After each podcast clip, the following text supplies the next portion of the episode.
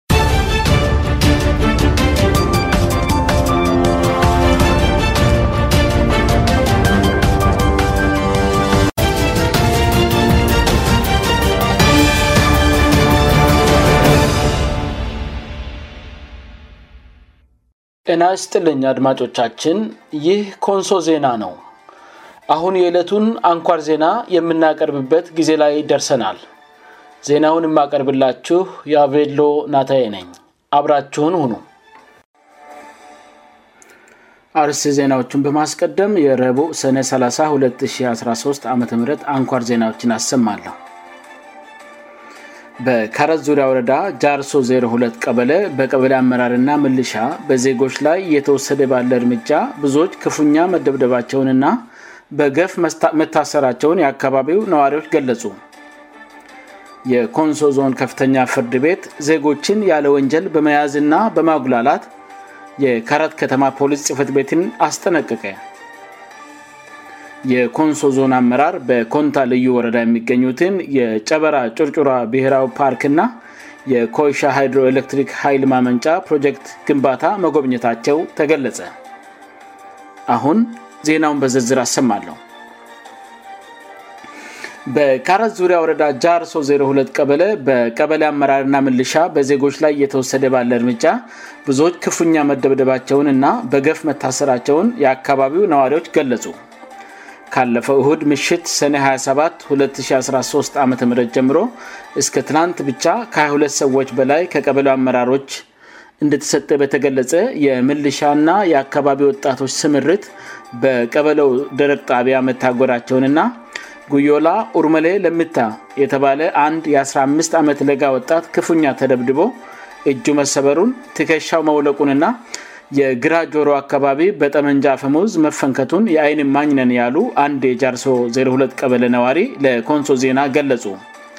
ልጁ ወላጆቹ የኢዘማ አባላት በመሆናቸው ምክንያት በምርጫ ወቅት በአካባቢው ምልሻ በሚደርስበት ማስፈራሪያ ከሌሎች የመንደሩ ወጣቶች ጋር ወደ ጫካ ሸሽቶ ምርጫው ካለፈ በኋላ በቅርቡ ወደ ሰፈር የተመለሰ መሆኑም ተገልጿዋል ቤተሰቡም የሂዘማ ፓርቲ ደጋፊዎች በመሆናቸው ምክንያት ከማህበረሰቡ ተገለው ምርጫው ካለፈ በኋላ ቅጣት ከፍለው በቅርቡ እግዱ እንደተነሳላቸው ታውቋል በተመሳሳይ ሁኔታ ሰኞ ዕለት ሰኔ 28 ቀን 213 ዓም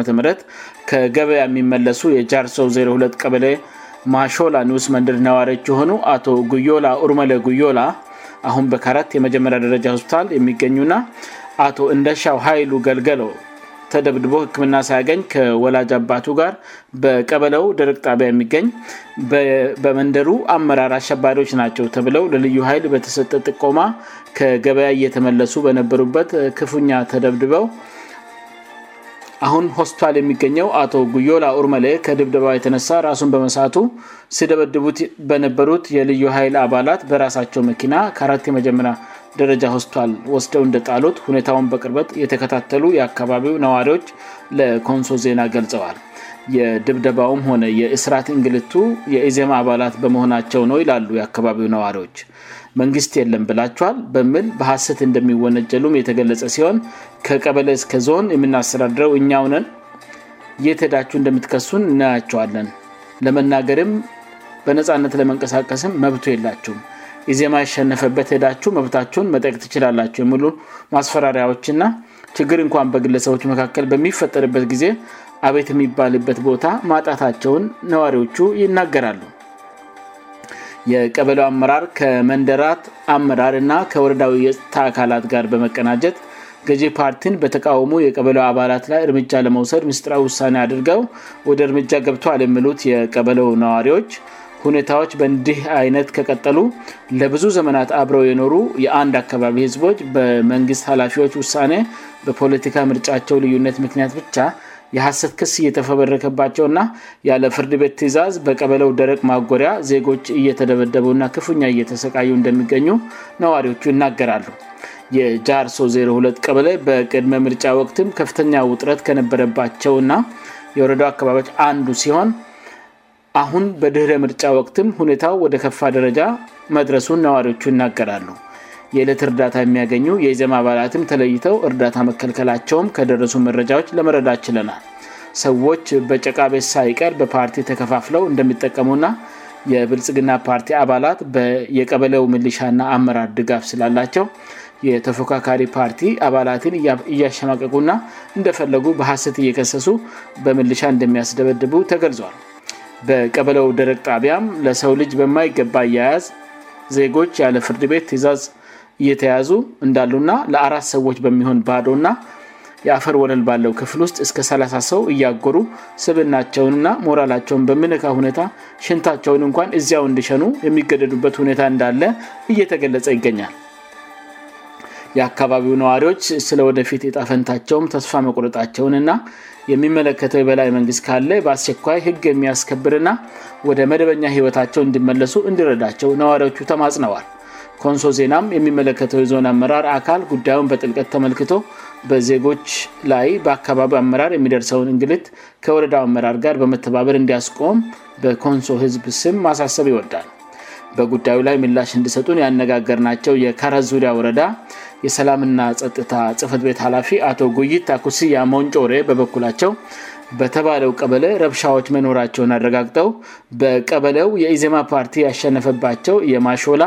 የበያ እአ ና የቦለ መንደራት ውስጥ ራሳቸውን ያደራጁና ኢዜማ ባሸነፈባቸው መንደራት የማስተዳደር ኃላፍነት የኛ ነው እና ኃላፍነት ልቀቁ በሚል ሰኔ 262013 ዓም ምሽት በተፈጠረ ቃውስ ነው ብለዋል ኃላፊው የተደራጁ የጥፋት ኃይሎች ብለው የጠሯቸው ሰዎች በዚያን ቀን ምሽጥ የመንደራቱን አመራር ለመደብደብ ሙከራ እንዳደረጉእና ሁኔታውን ለማረጋጋት የተላኩ ሁለት ምልሻዎችንም ደንብ ልብስ መቅደዳቸውን ጨምረው ተናግረዋል በዚህም መሰረት ወረዳው የወረዳውን የፖሊስ አዛዥና የወንጀል መከላከል ባለሙያ ወደ ቀበለው መላኩንና ወደ ስፍራው ሄደው የምልሻዎቹ ልብስ መቀደዱን እንዳረጋገጡ ሆኖም ግን የጥፋት ቡድኑ ከአካባቢው በመሸሹ እንዳላገኟቸው ገልጸዋል ሆኖም ግን ቡድኑ በቀጣይ ቀን ሰኔ 27 2013 የወረዳው የጸጥታ አካላት ከአካባቢው መሄዳቸውን ተከትለ የካንታ መሪዎችን ቤቶች በድንጋይ እንደወገሩና አካባቢውን ለማተራመስ ከፍተኛ ጥረት ማድረጋቸውን ገልጸው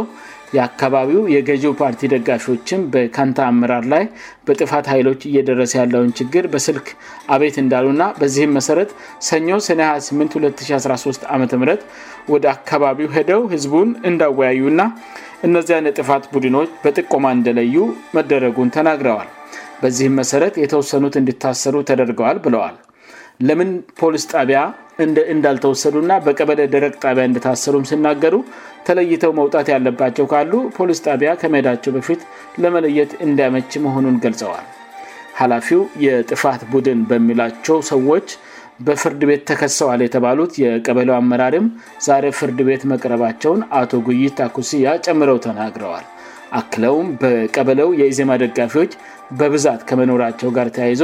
አመራሩ ወደ ቀበለው ለመግባት ከፍተኛ ስጋት አለበትም ብለዋል አድማጮቻችን ከሀላፊው ጋር የተደረገው የስልክ ቃለመልልስ እዚህ ያልተገለጹ ሀሳቦችን በማካተቱ ሙሉ መልሳቸውን ከድምፅ ዜናው እንድታዳምጡ እንጋብዛለን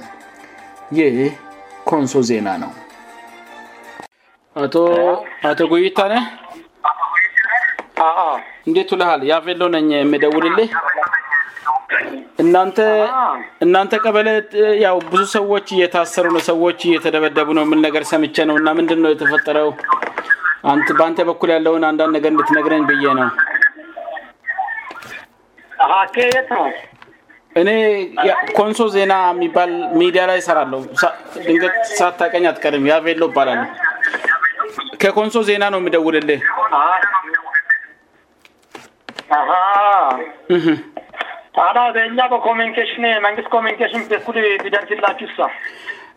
እሱ ችግር የለውም ግን ውው ምንድ አሁን የሰማት ማለት ነው እናንተ ጋር ከይሁድና ሰኞ በምልሻ የተደበደቡ ሰዎች እንዳሉ ና ብዙዎችም ያለ ፍርድ ቤት ትእዛዝ በእናንተ የቀበለ ማረፊያ ብዙ ሰዎች እንደታሰሩ መረጃ ዋለኝ እና የምታውቀውን መረጃ እንድትነግረኝነው በእርግ በመንግስት ኮሚኒኬሽን በኩል መስጠት የምትፈልጉትን በዛ በኩል ልሰጡን ትችላላችሁ ግን እንደሚመለከትህ የወረዳው ኃላፊ ስለ እሁነታው የሚታውቀው ነገር ካለ የተወሰነ መረጃ እንዲሰጠኝ ብዬ ነው ያአሁን ይህ ምናልባት ለእናንተ የተሰጠው መረጃ ሚስ ኢንፎርሜሽን ሊሆን ይችላል ስለዚህ አካባቢው ለለምን ለምን ብባል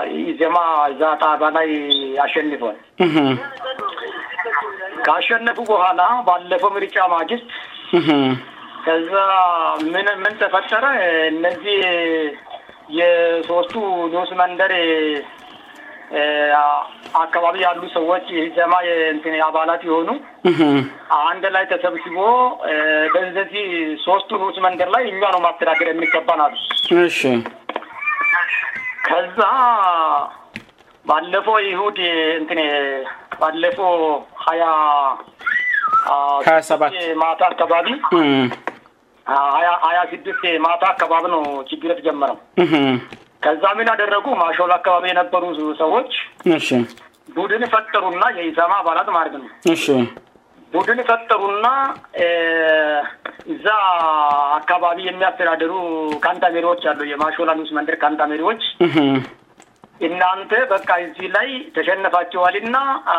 ሲልጣንን ሊቀቁ እኛ የመረጥናቸው ሰዎች አሉ እንደ ካንታሜሪ የሰየምናቸው ነ ሰዎች አሉ ሎ ካንታሜሪውን መደብደብ ሲጀመሩ ቀበለ አመራር ሚልሻ ሊኮ ሁለት ሚልሻ ሊኮ አይ ስልጣኒም ሲሆን በአገባብ ነው መወሰር ያለበት ካንዛሜሪም ቢሆን በቀበለ ተጠሪነት ነው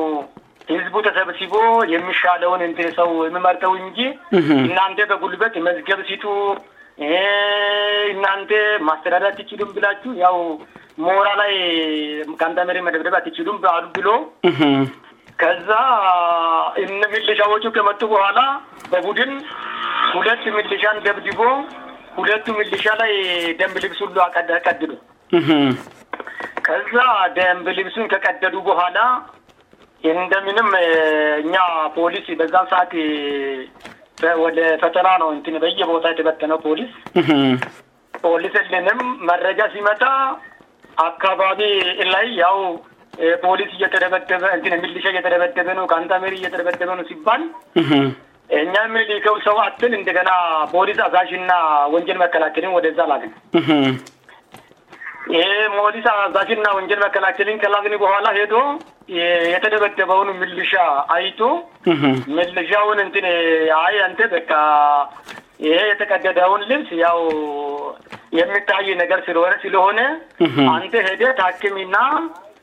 inai inesu dagma baanti sheste wal ba jocu aaretama kaza innasutake bica agañuna መቃ እነዚህ የሸሹ ያው በቀበለ ደረጃ ማጠሪ አውጥቃች ያሉበት ቦታ ይፈለጉ አን ደግሞ ሄ ታግሜ የተቀደደ ሆልብስም ደግሞ ምልክት አስቀመት ብሎ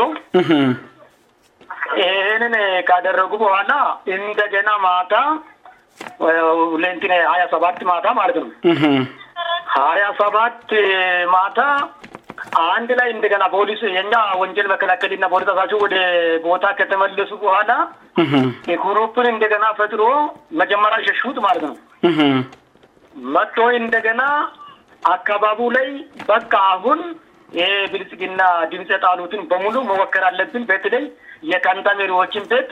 ማቃተል ማተራመስ አለብን ብሎ እንደገና ቡድን ፈጥሮ ፊሮ አሯጡ ድብድባ ስጀመሩ የከንታ ቴሪ ወንድምልጭ አንድነ ቤት እቅሙጭ አደርጎ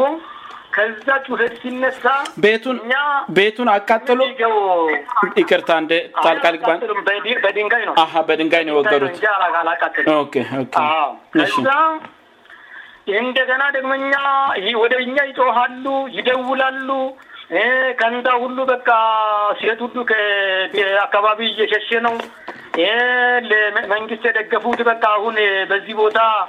እየተረከጡ ነው በ እኛ ባለፎ መንግስት ብላች እኛ ብልግና ንድንመርቅ ካደረጋች በኋላ እ እንድናልቅ ነው እንደ ብሎ ወደእኛ ሲጮሁ ይ ተረጋ ሁ ፖሊ የለ ፖሊስ ሁሉ ፈተና መፈተኛ ቦታ ላይ ነ ያሉት ስለዚህ ታገዙና እንደሚንም ብላች ራሳች ንጠበቁ ሲን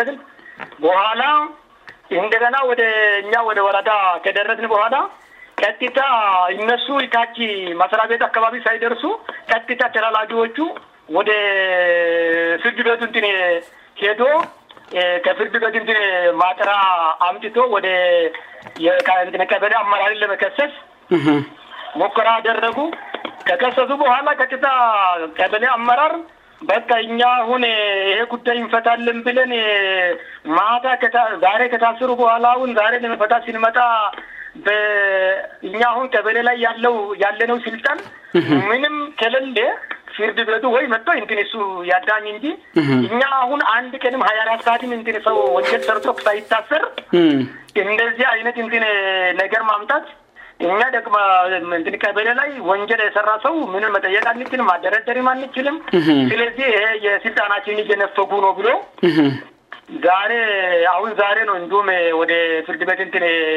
እንደገና የቀረትላ አንድም ዛሬም ወደ ፍድ በት እየተሉ ያሉት ማት ነው የቀበለ አመራር ስለዚህ አሁን ይቅርት አንደጣልቃ አንደ ጣልቃ ልግባ እና አሁን የቀበለ አመራርን እየከሰሱ ናቸው የምትለኝ ሰዎች እነዛ የሰዎችን ቤት በድንጋይ የሚወግሩት የተደራጀ ቡድን የምትላቸው ናቸው ማለት ነው ስማቸው ይታወቃል እንዴ ማለት ታቃ ኦረዲ ከተለዩ በጥቆማ ይታወቃሉ ኦረዲ በጥቆማ ከተለዩ ከህዝብ ጋር ባደረጋችሁት ውይይት በጥቆማ ከለያቸኋቸው ስማቸው ይታወቃል ሰዎቹይ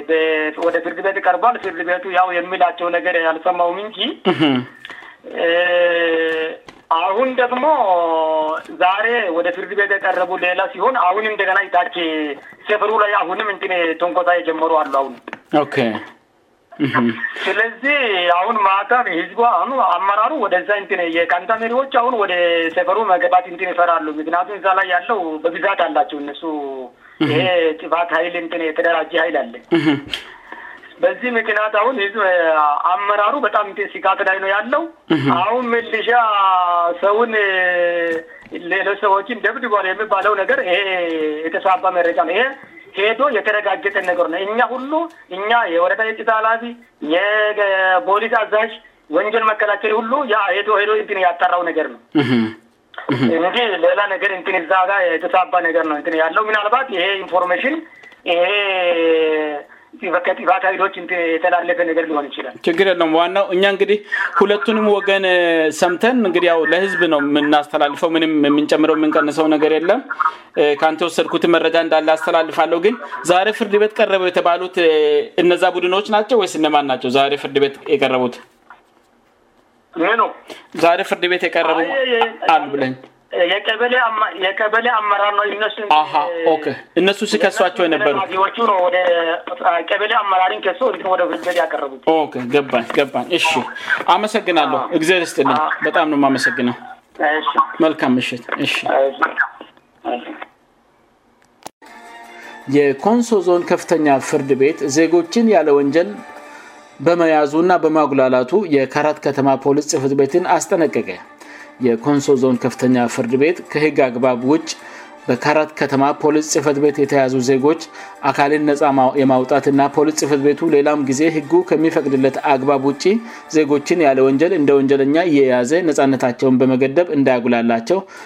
ማስጠንቀቂያ እንድሰጠው ለፍርድ ቤቱ ያቀረቡትን አቤቱታ ተመልክቶ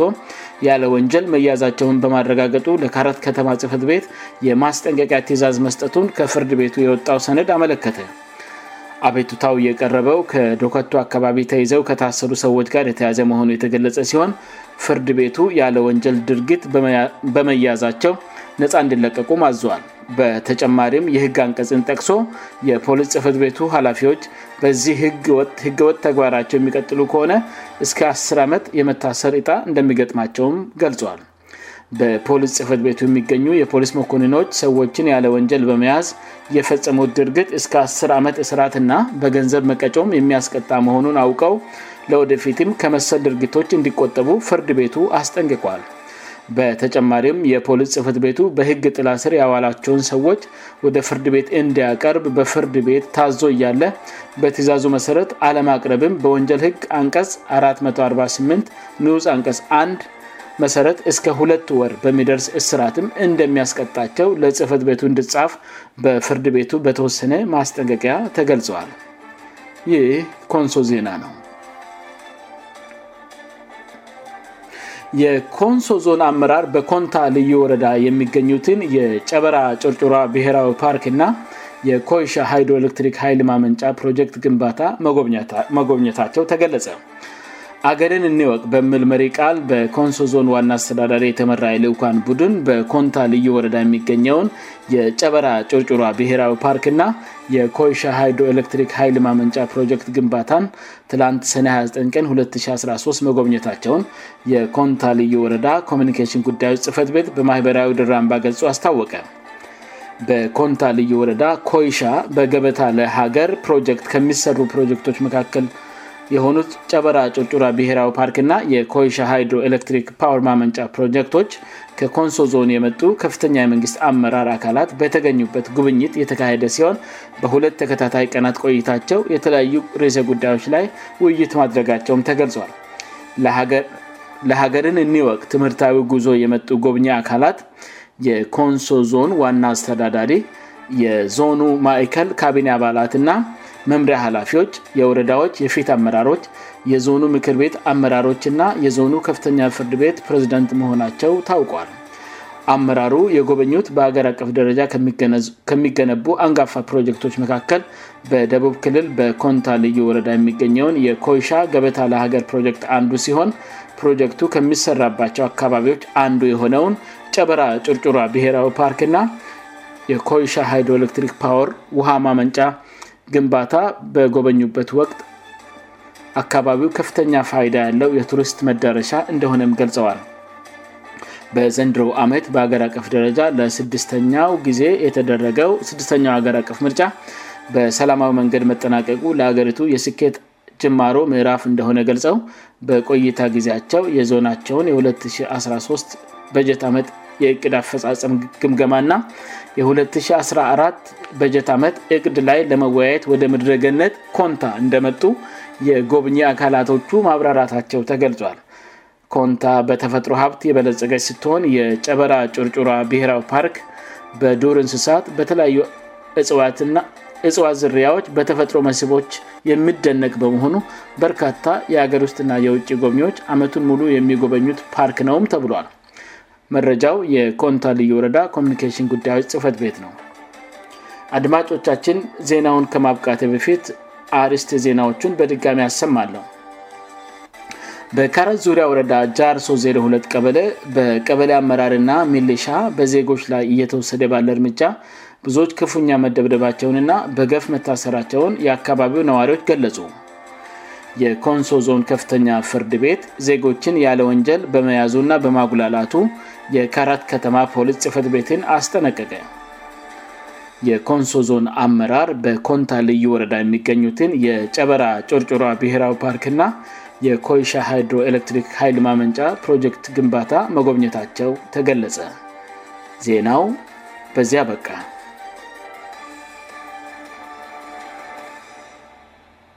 አድማጮቻችን የዕለቱ አንኳር ዜናችን ይህን ይመስል ነበር ስላዳመጣችሁን እናመሰግናለን ደህና ቆዩን